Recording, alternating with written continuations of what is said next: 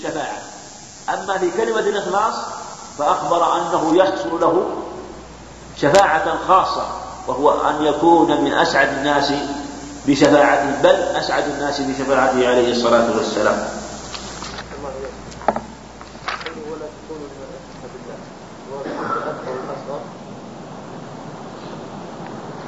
هذا هذا على خلاف عاد مسألة الشرك. إذا قيل أن الشرك الأصغر لا يغفر الشرك الأصغر لا يغفر. هذا آه، على عمومه يعني أنه يعذب لا بد أن يعذب. وإذا قيل إنه يغفر وأنه أو أنه داخل من ضمن في المعاصي الأخرى وأنه كالمعاصي الأخرى آه، كالزنا والخمر أو أنه أعظم من الزنا والخمر وما أشبه ذلك. كما هو قول لأهل العلم. هذا آه، على هذا يكون لابد أن يعذب والمسألة هذه فيها خلاف بين أهل العلم. منهم من يحكي عن جمهور المتقدمين أنها لا تغفر منهم من يقول أنها تغفر والمسألة تكلم فيها أهل العلم وبحثوها. والأدلة فيها مختلفة. هل يعني آه، هو يغفر أو لا يغفر من نظر إلى ظاهر إطلاق الآية إن الله لا يغفر أن يشرك به ويغفر ما دون ذلك لمن يشاء. قال إنه لا يغفر له وإن وليس معنى ذلك أنه مخلد في النار لا. يعني أنه يناله قسط من العذاب بقدر آه، بقدر ذنوبه وشركه وبعد ذلك يكون إلى الجنة. ومنهم من قال إن كل إن كل الذنوب ما خلا الشرك الأكبر داخل تحت المشيئة فإن شاء عذبه وإن شاء غفر. فالمقصود أنه مبني على هذا الخلاف. باب قول الله تعالى إنك لا تهدي من أحببت. يريد رحمه الله في هذا الباب أن يبين أنه سبحانه وتعالى هو المنفرد في التصرف أو بالتصرف والتدبير في هذا الكون. فكما أنه سبحانه وتعالى متصرف بخلق هذا الكون وخلق ما فيه وهذا أمر أقر به المشركون فيلزم أن يكون ما هو أيسر وأسهل وإن كان الأمر في حقه سبحانه وتعالى واحد لكن يلزم المشركين أن يقروا ويعترفوا أنه سبحانه وتعالى هو المتصرف في قلوب من خلقهم وهو الذي يهديهم وهو الذي بيده كل شيء وهو سبحانه وتعالى الذي يقلب القلوب ويصرفها كيف يشاء. وفي هذا رد على المشركين وأشباه المشركين ممن ضل وكفر عن الصراط المستقيم وظن أن بعض الناس من الأولياء والصالحين أو غيرهم أن له تصرفا في هذا الكون أو أنه يعلم الغيب أو أنه يضل أو أنه يهدي احدا من الناس فأراد رحمه الله بهذا أن يبين أن هذا ليس لأحد سواه سبحانه وتعالى. ثم أورد هذه القصة العظيمة في هذه الواقعة التي اجتهد فيها عليه الصلاة والسلام أن يستقيم عمه على الصراط المستقيم وأن ينطق بكلمة الحق. واجتهد وحرص عليه الصلاة والسلام حتى وهو في آخر أيام الدنيا ويعني أبا, أبا طالب يعني أبا طالب وهو في آخر أيام الدنيا وأول أيام الآخرة حرص عليه الصلاة والسلام أن يقر وأن ينطق بكلمة الحق لكن لم يحصل له ذلك عليه الصلاة والسلام. وهو أشرف الخلق وهو نبي الله عليه الصلاة والسلام. مع من؟ مع عمه أبي طالب الذي كان يناضل عنه ويحميه وينصره ويدافع عنه وكان عليه الصلاة والسلام يحبه حبا طبيعيا ليس حبا شرعيا لما له عليه من مما حصل من نصرته وتأييده ودفع الكفار عنه في مكة. ومع هذا لم يحصل له عليه الصلاة والسلام ما أراد. إذا كان هذا لم يحصل له مع ما له من المقام والعظمة عليه الصلاة والسلام فكيف بغيره من الناس؟ لا شك أن هذا لا يجوز أن ينسب إلى أحد من الناس أنه يعلم الغيب أو أنه يتصرف بالقلوب أو أنه يهدي من يشاء أو يضل من يشاء. فمن اعتقد في رجل أو في نبي أو في رجل صالح فقد كفر وأشرك. فقال المصنف رحمه الله في الصحيح يعني في الصحيحين. عن ابن المسيب هو سعيد. ابن المسيب عن أبيه حزم وأبوه عن أبيه عن عن عن أبيه المسيب. وأبوه صحابي المسيب بن حزم وجده حزن أيضا صحابي. قال لما حضرت أبا طالب الوفاة المراد بحضور الوفاة هنا حضور علاماتها ومقدماتها وليس معنى ذلك أنها تغرغرت روحه أو أنه عاين الموت لا ليس المراد ذلك. وإن توهمه بعض الشراح وقالوا إن هذا لعله من خصائصه عليه الصلاة والسلام وأنه لو نطق بشهادة الحق في هذه الحال نفعته وهو من خصائصه هذا لا دليل عليه. لكن الظاهر من حاله أنه حضرته علامات الوفاة وحضرته أسبابها وقربت منه ويدل عليه أنه يخاطب كفار قريش ويخاطبونه أبو طالب. كان يخاطبهم ويحدثهم. حديث الرجل الذي يعرف ويعقل ما يقول. هذا يدل على أنه لا زال في كمال وعيه وأنه لم تتغرر روحه أما لو كان قد عاين فلا يمكن أن يجيب بهذا الجواب وأن يحدثهم ويحدثونه. لكن حضرته مبادئ الموت وابتدأت به. فلهذا كان يخاطبه عليه الصلاة والسلام ويكلمه. جاءه لما حضرت أبا طالب الوفاة جاءه رسول الله صلى الله عليه وسلم. وعنده عبد الله بن أبي أمية وأبو جهل. انظر إلى حرص المشركين. كيف كانوا؟ قد يظهر من القصة أنهم قد سبقوه وأنهم قد حضروا عنده. ويظهر من حالهم أنهم خشوا أن يحصل له شيء في حال وفاته. وأن يموت على الإسلام فلهذا حضروا حتى يصدوه فيما يظهر من حالهم عن دينه عليه عن دين نبينا عليه الصلاة والسلام. وعلموا أنه عليه الصلاة والسلام حريص كل الحرص على أن ينطق أبو طالب بشهادة الحق.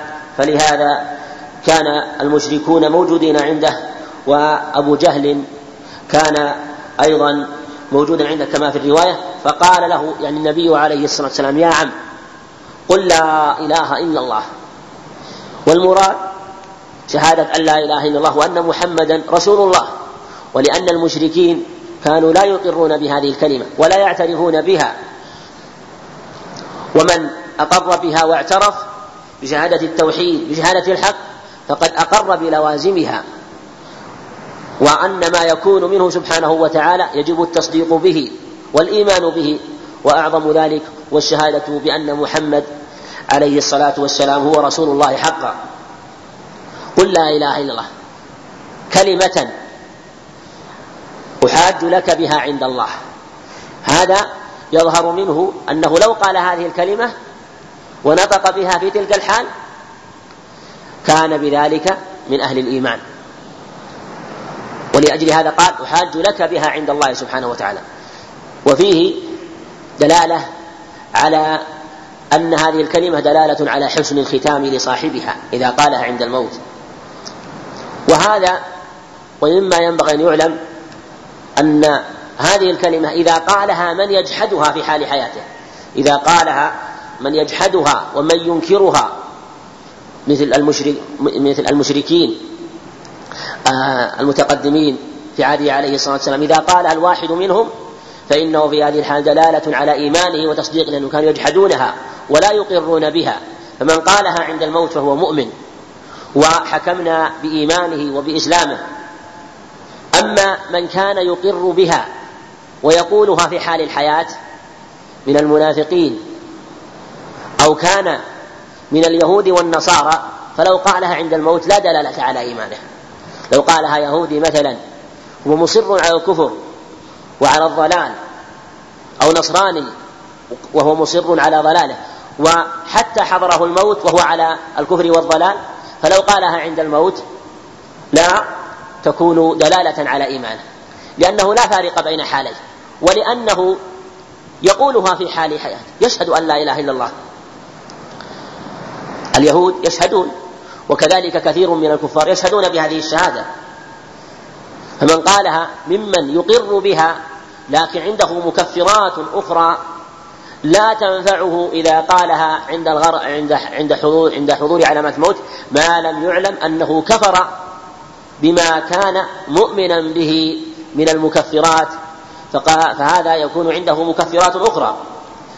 ولهذا الزنديق ومن أشبهه اختلف فيه أهل العلم إذا أقر ونطق بلا إله إلا الله.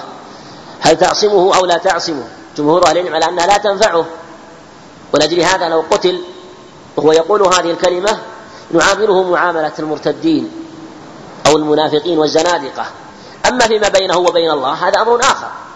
وهكذا نقول مثلا لو كان رجل كافر بأشياء تخرجه من الإسلام أو كان في أصل دينه هو كافر كيهودي أو غيره من أنواع الكفر والضلال وهو يقر ويشهد أن لا إله إلا الله فنطق بها عند حضور الموت. فنعامله معامل المعاملة التي كنا نعامله بها قبل حضور الموت. فكما أنها لم تدخله في الإسلام قبل حضور الموت فكذلك لا تدخله في الإسلام عند حضور الموت. هذا في أحوال في أمور الدنيا فيما يتعلق بالصلاة عليه وفي تغسيله وتكفينه وإرثه وإرث أقاربه له. أما فيما بينه وبين الله إذا كان نطق بها صدقا وحقا هذا بينه وبين الله سبحانه وتعالى. لكن الكلام في الشيء الذي يظهر لنا. فالمقصود أن من كان يجحد هذه الكلمة كأبي طالب وأمثاله من المشركين إذا قالها فإنه يكون بذلك موحدا ومؤمنا ولهذا قال عليه الصلاة والسلام أحاج لك بها عند الله. فقال يعني عبد الله بن أبي أمية وأبو جهل سماه النبي عليه الصلاة والسلام أبو جهل. كان يسمى أبا الحكم وهو اسمه اسمه عمرو بن عمرو بن هشام. فكناه عليه الصلاة والسلام كنية لاصقة به آه، وهي أبو الجهل أبو جهل. فقال له أترغب عن ملة عبد المطلب. شوف انظر ماذا. هذه الحجة. ويقول الشيخ عبد الوهاب رحمه الله ذكراه الحجة الملعونة. وهي هذه الحجة الكافرة الضالة ملة عبد المطلب. وهي الشرك بالله. وعبادة الأصنام والأوثان هذه ملته. ذكر هذه الحجة. وحاول واجتهد أن يموت عليها. وقال له ملة عبد المطلب حتى يثير في نفسه الحمية والأنفة. فلهذا أعاد عليه عليه الصلاة والسلام. أعاد عليه الكلمة مرة ثانية ولم ييأس واجتهد. فأعاد بعد ذلك أيضا. كل ذلك مبالغة في المحاولة أن يموت على الكفر والضلال وعلى الملة التي هم عليها. فكان آخر ما قال يعني عبد المطلب هو على ملة عبد المطلب. هو على ملة عبد المطلب.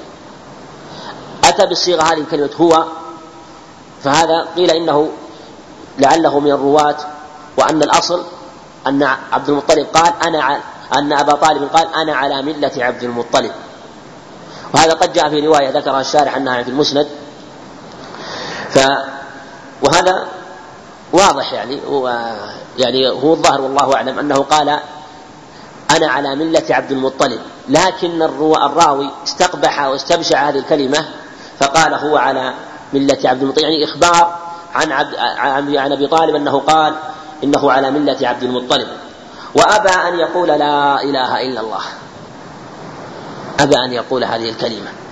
لأنه يعلم أن هذه الكلمة هي هي صرف جميع أنواع العبادة له سبحانه وتعالى. الكفر بالأنداد والأصنام والأوثان وبملة عبد المطلب. فقال النبي صلى الله عليه وسلم لا أستغفرن لك ما لم أنه عنك. حرصا واجتهادا في أنه لعله يغفر له. ولم ينزل عليه عليه الصلاة والسلام أمر جازم في النهي عن الاستغفار للمشركين.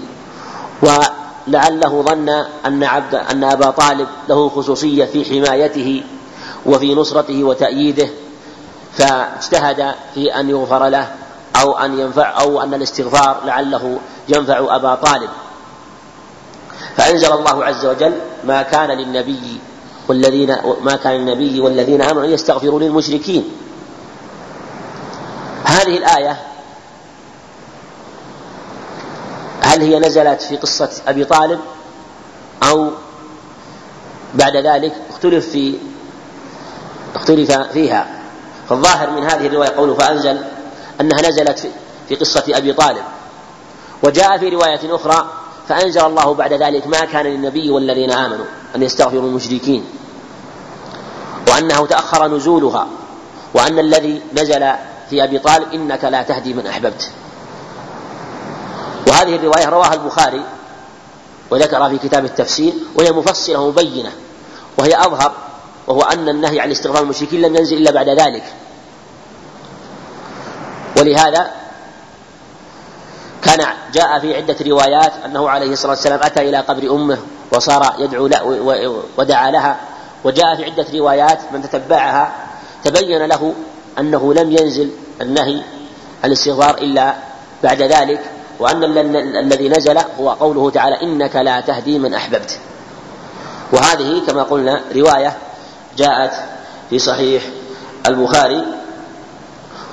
ويمكن أن أن تكون الآية نزلت مرتين نزلت آه، في قصة أبي طالب ونزلت مرة ثانية بعد ذلك. ولكن الأصل هو عدم التعدد في نزول في النزول. وخاصة أنه جاء رواية صريحة في البخاري وأنزل الله بعد ذلك. وأنزل الله بعد ذلك فتكون هي المعتمدة. والله أعلم. نعم.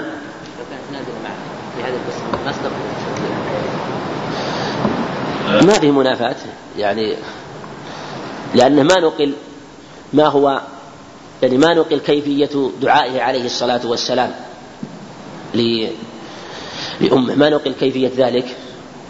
ولعله يعني رجاء أن ينزل شيء آه، فيه شيء من التخفيف وظن أن لهم خصوصية وأن هذه يعني آية عامة في عموم المشركين. لكن المقصود قلنا إن إن الأظهر والله أعلم أنها ما نزلت إلا بعد ذلك أنها تأخر نزولها الذي تقدم وقوله تعالى إنك لا تدري من أحببت. لأن عمدة على الرواية في هذا الباب. ثم جاء روايات ذكر الحافظ وغيره تبين هذا المقام. نعم.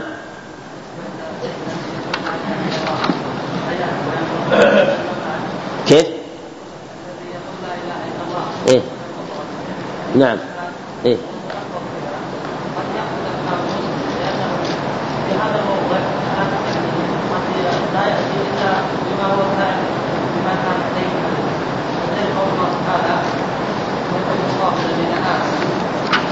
هذا في القبر.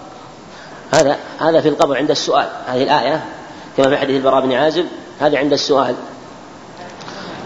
نعم. لا في عند السؤال في القبر. في القبر بعد ذلك يعني. إي نعم. أما في الحياة الدنيا ما في سؤال في في ابتلاء وفي يعني قبل ذلك ما في سؤال. لكن هذا ما في منافاة لأننا حينما نقول إنه لا تنفعه لأن الإنسان قد مثل المنا مثل المنافقين يقولون لا إله إلا الله صباحا ومساء.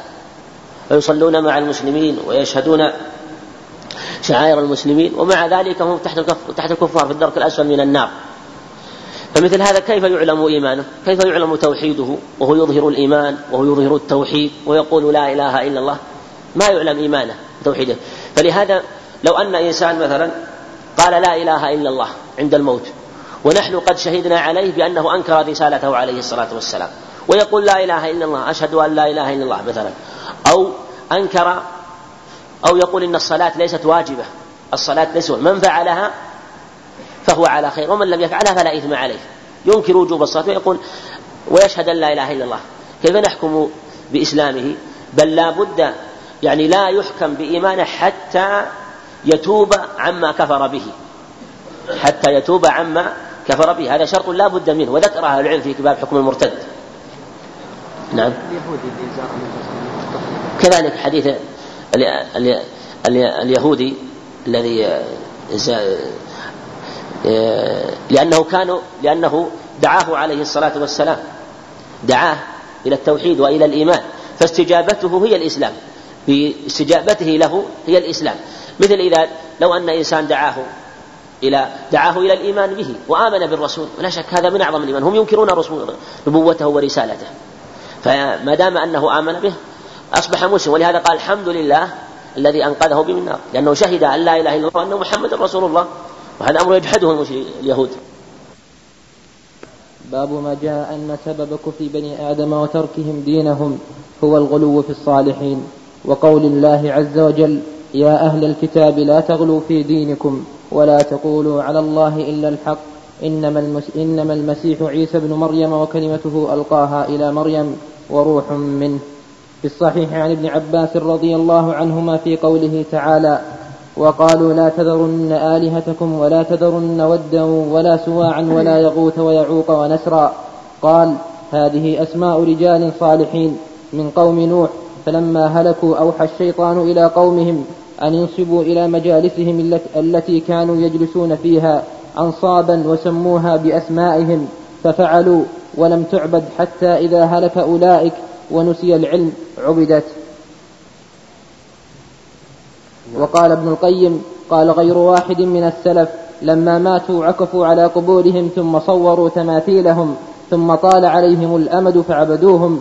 وعن عمر أن رسول الله صلى الله عليه وسلم قال لا تطروني كما أطرت النصارى ابن مريم إنما أنا عبد فقولوا عبد الله ورسوله. أخرجاه قال قال رسول الله صلى الله عليه وسلم إياكم والغلو فإنما أهلك من كان قبلكم الغلو.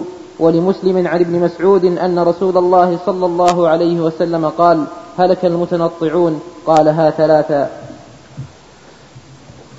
الحمد لله رب العالمين والصلاة والسلام على نبينا محمد وعلى آله وصحبه أجمعين. قال شيخ الإسلام محمد عبد الوهاب رحمه الله تعالى باب ما جاء أن سبب كفر بني آدم وتركهم دينهم هو الغلو في الصالحين. وقول الله عز وجل يا أهل الكتاب لا تغلوا في دينكم. لما ذكر المصنف رحمه الله قبل ذلك بعض الأبواب المتعلقة بأنواع الشرك منها النذر لغير الله والذبح لغير الله وبين أن هذه كلها أنواع من الشرك مخرجة عن الملة. أراد المصنف رحمه الله أن يبين أن الشرك طارئ على بني آدم وأن الأصل فيهم التوحيد وأن الأصل فيهم الإيمان وهكذا خلقهم الله سبحانه وتعالى. خلقهم حنفاء خلقهم على الملة. على الدين. لكن الشرك أمر عرض لهم بعد ذلك فأخرجهم عن التوحيد وعن الدين وعن عبادة الله وحده. ولهذا الناس في أول الأمر كانوا على دين واحد مجتمعين. ثم بعد ذلك طرأ عليهم الشرك في أولاد بني آدم. فهم في الأصل موحدون. فالشرك له أسباب. ثم منذ انتشر في بني آدم بعد أن كانوا موحدين لم يزل ينتشر حتى يبعث ثم يبعث الله سبحانه وتعالى رسلا مبشرين ومنذرين عن هذا الشرك.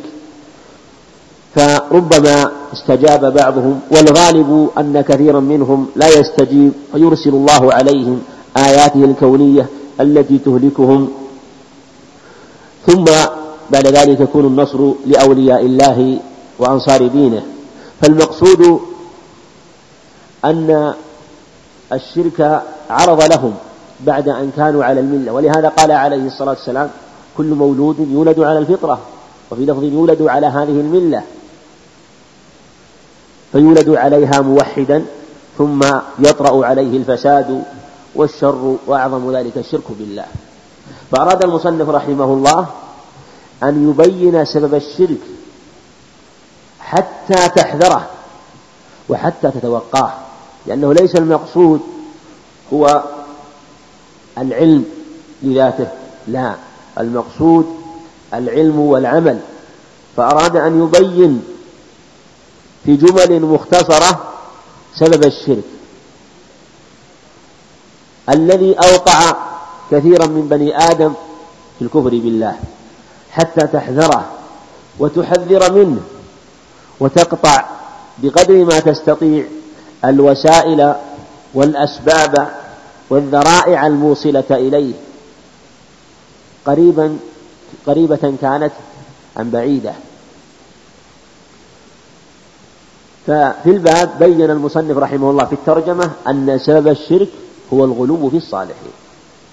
الغلو في الصالحين هو سبب الشرك وهو المبالغة فيهم بإخراجهم عن طورهم وعن حدهم الذي حده الله لهم.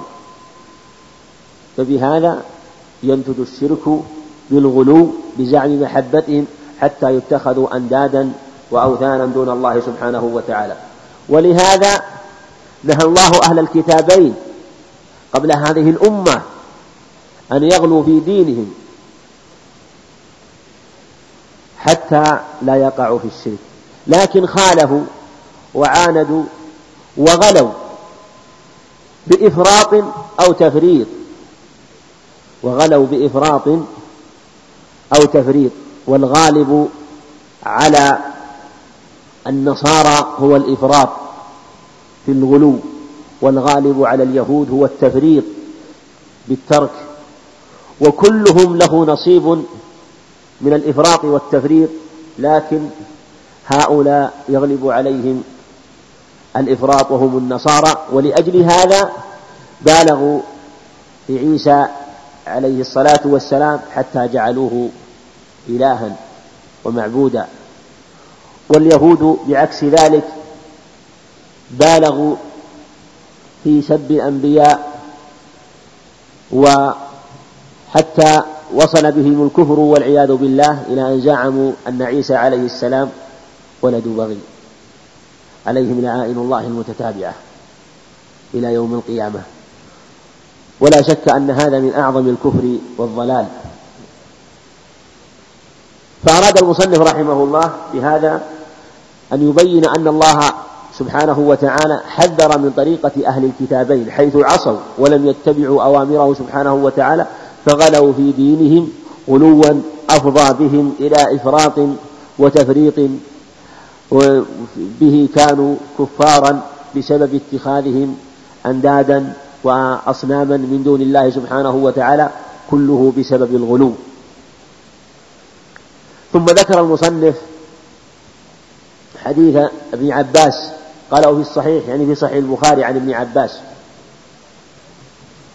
يبين أن الشرك قبل ذلك وأنه واقع قبل ذلك. قالوا في الصحيح عن ابن عباس رضي الله عنه وفي قول الله تعالى وقالوا لا تذرن آلهتكم ولا تذرن ودا ولا سواعا ولا يغوث ويعوق ونسرا. قال يعني قال ابن عباس هذه أسماء رجال صالحين. يعني هؤلاء أسماء رجال صالحين من قوم نوح. فلما هلكوا أوحى الشيطان إلى قومهم أن ينصبوا إلى مجالسهم التي كانوا يجلسون فيها أنصابا وسموها بأسمائهم. ففعلوا ولم تعبد حتى إذا هلك أولئك ونسي العلم في لفظ ونسخ العلم وفي بعض الألفاظ وتنسخ العلم عبدت من دون الله سبحانه وتعالى. هذه قيل إنها أسماء رجال صالحين. وقيل إنها أصنام. وقيل إنها أصنام. لكن القولان متلازمان. لأن الذين قالوا إنها أسماء رجال صالحين قالوا هم في الأصل رجال صالحون. فلما ماتوا فلما ماتوا جاء الشيطان إلى أولادهم أو من بعدهم لأنهم تأسفوا عليهم وصاروا يذكرونهم فقال انصبوا لهم صورا حتى لا تنسوا طريقتهم وهديهم فتتذكرون هديهم وطريقتهم. وكان هذا من وحي الشيطان.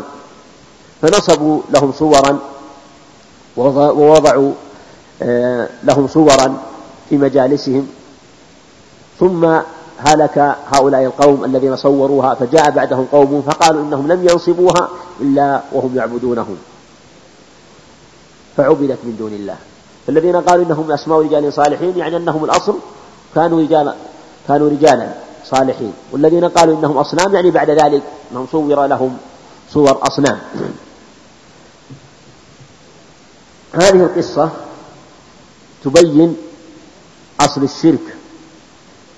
وجاء فيها في هذا الأثر وفي هذه الآية جاء فيها عدة روايات وفي صحيح البخاري عن ابن عباس أيضا والقصة اختصر هنا ذكر المصن... ذكر البخاري رحمه الله آه، أن أن هذه الأصنام آلت إلى المشركين إلى مشرك العرب بعد ذلك وأنها كانت موجودة عندهم زيادة على أصنامهم التي كانت موجودة عندهم اللات ومنات والعزى وأن هذه الأصنام آلت إليهم وأنهم أخذوها وجاء في تفصيلها أن عمرو بن لحي هو الذي أخذها من ساحل البحر من جدة وأنه جاءه وحي من الشيطان وأنه آه، آه، يعني رأيه من الجن أتاه وأخبره أنها مدفونة في ذلك المكان إلى غير ذلك.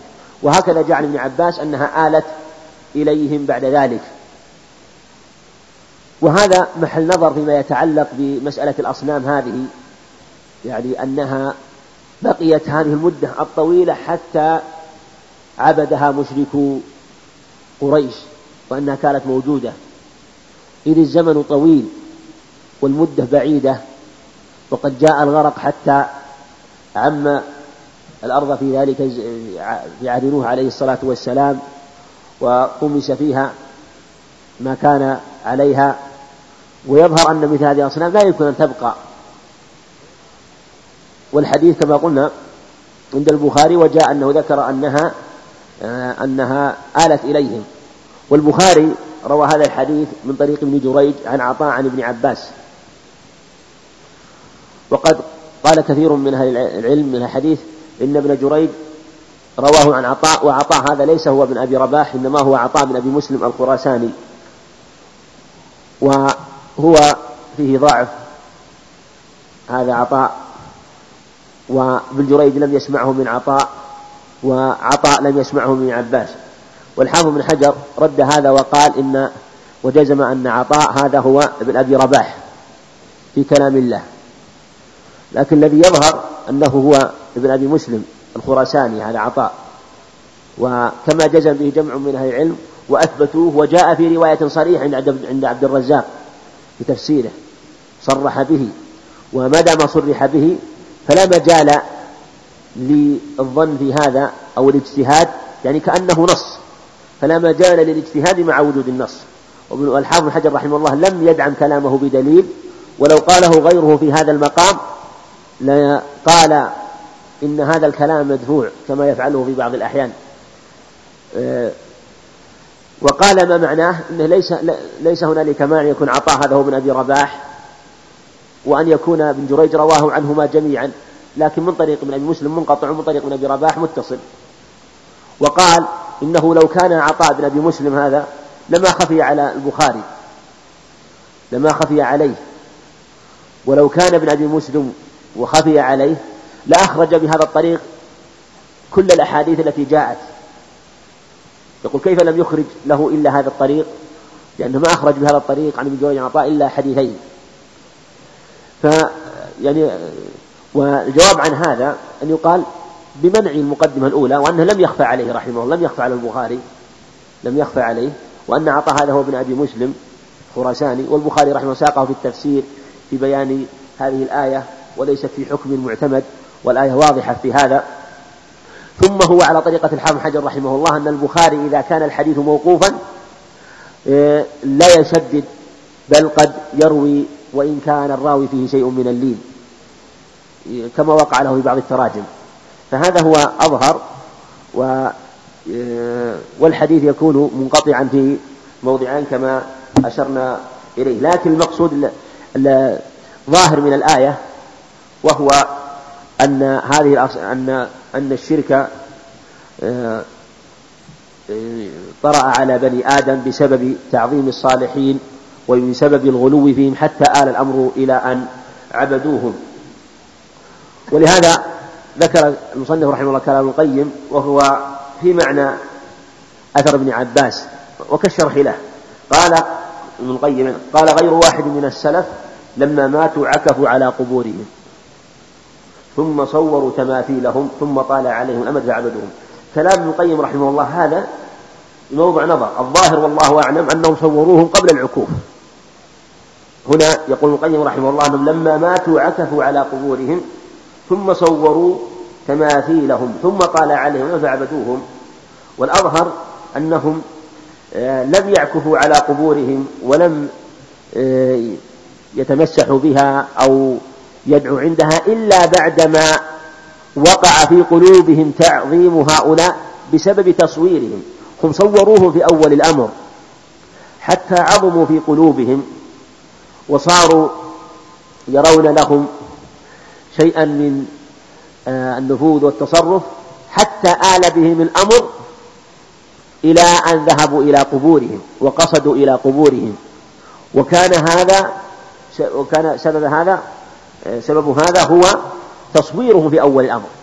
هم في أول الأمر كانوا من أبعد الناس عن الشرك لكن من كان بعدهم صوروهم. ومحتمل أن الذين صوروهم عكفوا عليهم ومحتمل أن الذين صوروهم هم قوم وأن الذين جاءوا من بعدهم هم الذين عظموهم حتى عكفوا على قبورهم المقصود أن التصوير أول سابق لأن سببه هو لأن العكوف على القبور هو أو سببه تصويرهم ثم تعظيمهم في القلوب. يدل عليه أنه قال ثم طال عليهم الأمد فعبدوهم. يعني ارتفعوا درجة أخرى في الغلو. في أول أمر مجرد تصوير تذكر لهم واستئناس بصورهم المصورة هذه. ثم انتقلوا درجة أخرى إلى أن ذهبوا إلى قبورهم يطلبون البركة في جوارها. ثم آل بهم الأمر إلى أن صاروا يسألونهم ويعبدونهم من دون الله. فالشرك لم يأتهم جملة بل تدرج بهم الأمر من بدعة إلى بدعة حتى وقعوا في البدعة الكبرى وهو الشرك الأعظم. ولأجل هذا هذه البدع آه، طريق قريب إلى الشرك الأكبر فلهذا وقعوا فيه والعياذ بالله. قال المصنف رحمه الله وعن عمر بن الخطاب رضي الله عنه خليفة الراشد آه، أن رسول الله صلى الله عليه وسلم قال لا تطروني الإطراء هو المبالغة في المدح والزيادة على الحد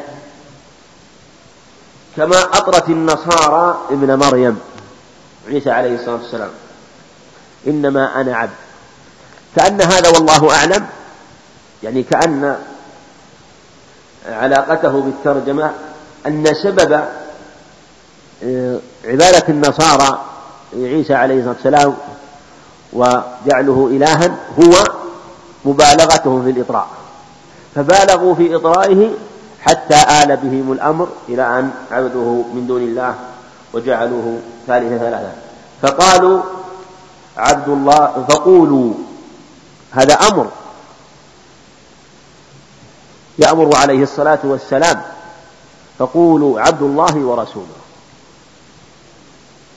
لكن المشركون عكسوا الأمر وعكسوا القضية وناقضوه عليه الصلاة والسلام. فقالوا لا هو يعبد هو يسأل من دون الله هو له تصرف وله تأثير في الكون. ناقضوه وعاندوه عليه الصلاة والسلام. وخالفوه تمام المخالفة. ولهذا تجد هؤلاء في هذا يخالفونه في أوامره وفي نواهيه عليه الصلاة والسلام. إذا نهى عن شيء عكسوا الأمر وعاندوا وخالفوه. نهاهم عن الغلو فيه غلوا فيه حتى عبدوه بل قال كثير من هؤلاء المشركين إنه يعلم الغيب وإنه يعلم ما في اللوح المحفوظ إلى غير ذلك. وتجدهم في الأوامر يضيعون لها يضيعون للصلاة ويضيعون لأحكام الشرع يرتكبون للفواحش. فهم في كلا الأمرين مخالفون له عليه الصلاة والسلام. أخرجاه يعني البخاري ومسلم. والحديث آه، لم يروه مسلم. إنما هو من أفراد البخاري رحمه الله والمصنف رحمه الله لا لعله نقله عن غيره وقد ذكر شيخ الإسلام رحمه الله هذا الحديث في اقتراء الصراط المستقيم وقال إنه إنه أخرجه البخاري ومسلم وقال أخرجه فكأن المصنف رحمه الله تبعه أو تبع غيره إن كان أحد ذكر إليهم وهو في وهو من أفراد البخاري. وقال قال رسول الله صلى الله عليه وسلم إن عندكم وقال قال ولا عندكم؟ ها؟ يمكن الضمير يعود إلى وقال ابن القيم الظاهر. نعم. لا هنا هو هو نفس كلامه رحمه الله. أقول هو من كلام المصنف. هو نفسه من المتن. الظاهر أنه يعود إلى كلام القيم وقال ابن القيم. لأن عطف عليه وقال ابن القيم ثم قال وقال. يعني قال ابن القيم الظاهر لأنها نعم. حديث عمر مو من قول ابن القيم. إي نعم. بس لما قال ما يخالف لما قال وقال لأن سبق أنه المقام يبين أنه عطف على قوله وقال ابن القيم. وقال ابن القيم. عندكم قال قال. لا ما يصح. ما لا. لأن قال يوهم أنها أنها عن عمر وهو عن ابن عباس الحديث. المقصود عن ابن عباس رضي الله عنهما قال قال رسول الله صلى الله عليه وسلم إياكم الغلو في فإنما أهلك من, من كان قبلكم الغلو. لفظ إياكم الغلو في الدين فإنما أهلك من كان قبلكم الغلو في الدين وفي لفظ إنما هلك من كان قبلكم بالغلو في الدين. والحديث صحيح أخرجه أحمد والترمذي والنسائي بن ماجه عن ابن عباس. وسببه أنه عليه الصلاة والسلام قال لمن معه للفضل أو لل قال غداة يوم النحر القط لي جمرات. ثم قال أخذ حسن حسن صغار عليه الصلاة والسلام ثم قال أمثال هؤلاء فرموا. وإياكم الغلو في الدين فإنما أهلك من كان قبلكم الغلو في الدين. لا تبالغوا ليس الأمر هو كبار الحصى من لا الأمر على المتابعة والاتباع. وهو إن كان سببه على مسألة الرمي لكنه عام في جميع أنواع الغلو في الأقوال والأفعال كلها منهي عنها فإنما أهلك من كان قبلنا بالغلو في الدين وهو خروج عن نهج الصراط المستقيم. والغلو قد يكون في باب في باب العبادات وقد يكون في باب الاعتقادات. المقصود انه شامل لجميع أنواع الغلو في الدين وقد يكون في الغلو في بعض المسائل والتشديد فيها. وقد يكون الغلو في التقعر في المبالغة في كما ذكر بعض العلم في في مسألة كذلك الغلو مثلا في باب العبادة في باب العبادة بأن يحمل نفسه شيئا لا يطيقه. كل هذا من أنواع الغلو المنهي عنه الذي به هلك المتقدمون.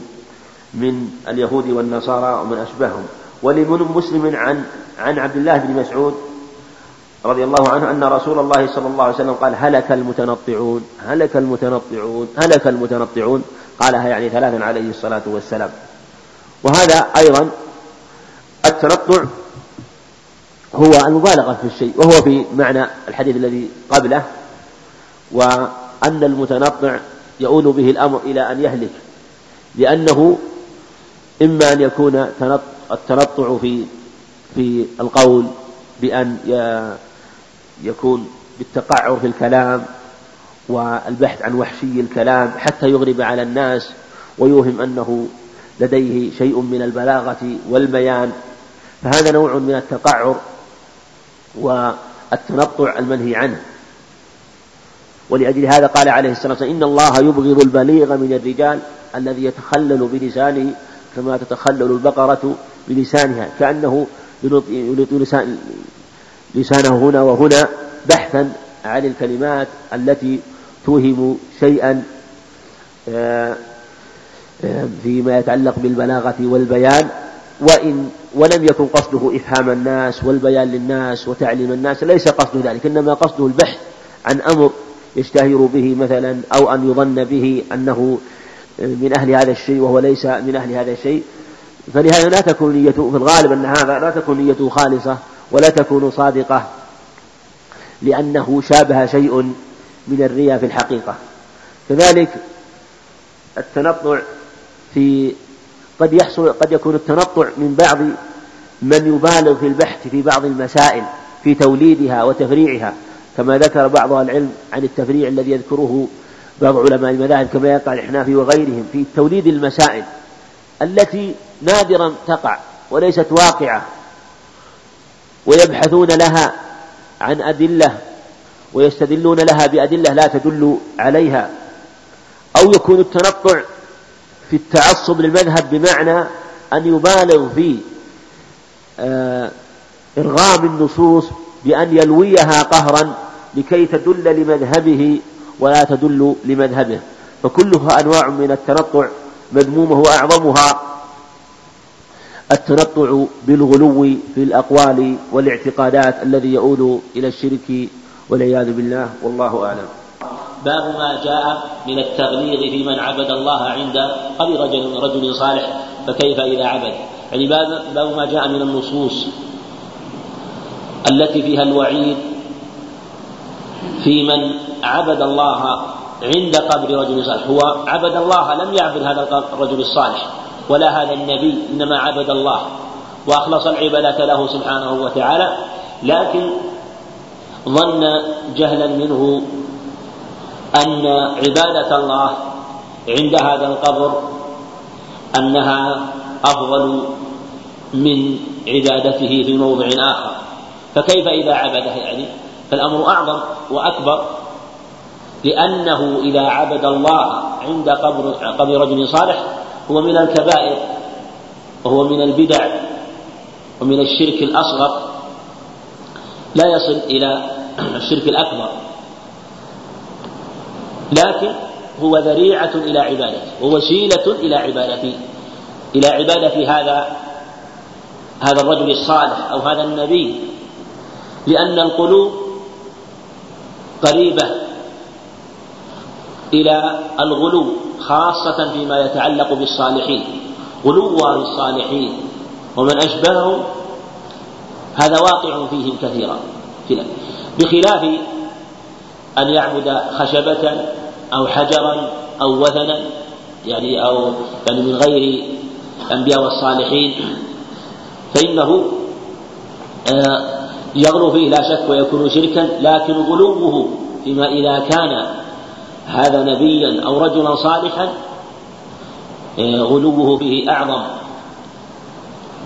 ولما يلبسه الشيطان حتى يؤول حتى يؤول به الأمر إلى أن يتخذه آه، إلها دون الله سبحانه وتعالى. فكيف إذا عبده؟ هذا هو الشرك الأكبر. كلاهما محرم. لكن الأول تحريمه لأنه ذريعة إلى الشرك الأكبر وهو محرم في نفسه. ومحرم هي ذريعة محرمة في الحقيقة. ليست ذريعة آه تكون مكروهة كما ظنه بعض من تأخر ممن ينتسب أو من أهل المذاهب عند الحنفية والشافعية ممن ظن أن دعاءه سبحانه وتعالى أو قصد الدعاء عند القبور طلبا للبركة أو عند هذا القبر أنه آه، يطلب وأن فيه نفعا وبركة أنه لا بأس به. لا شك أن هذا ليس من آه، من يعني لا شك أنه مصاد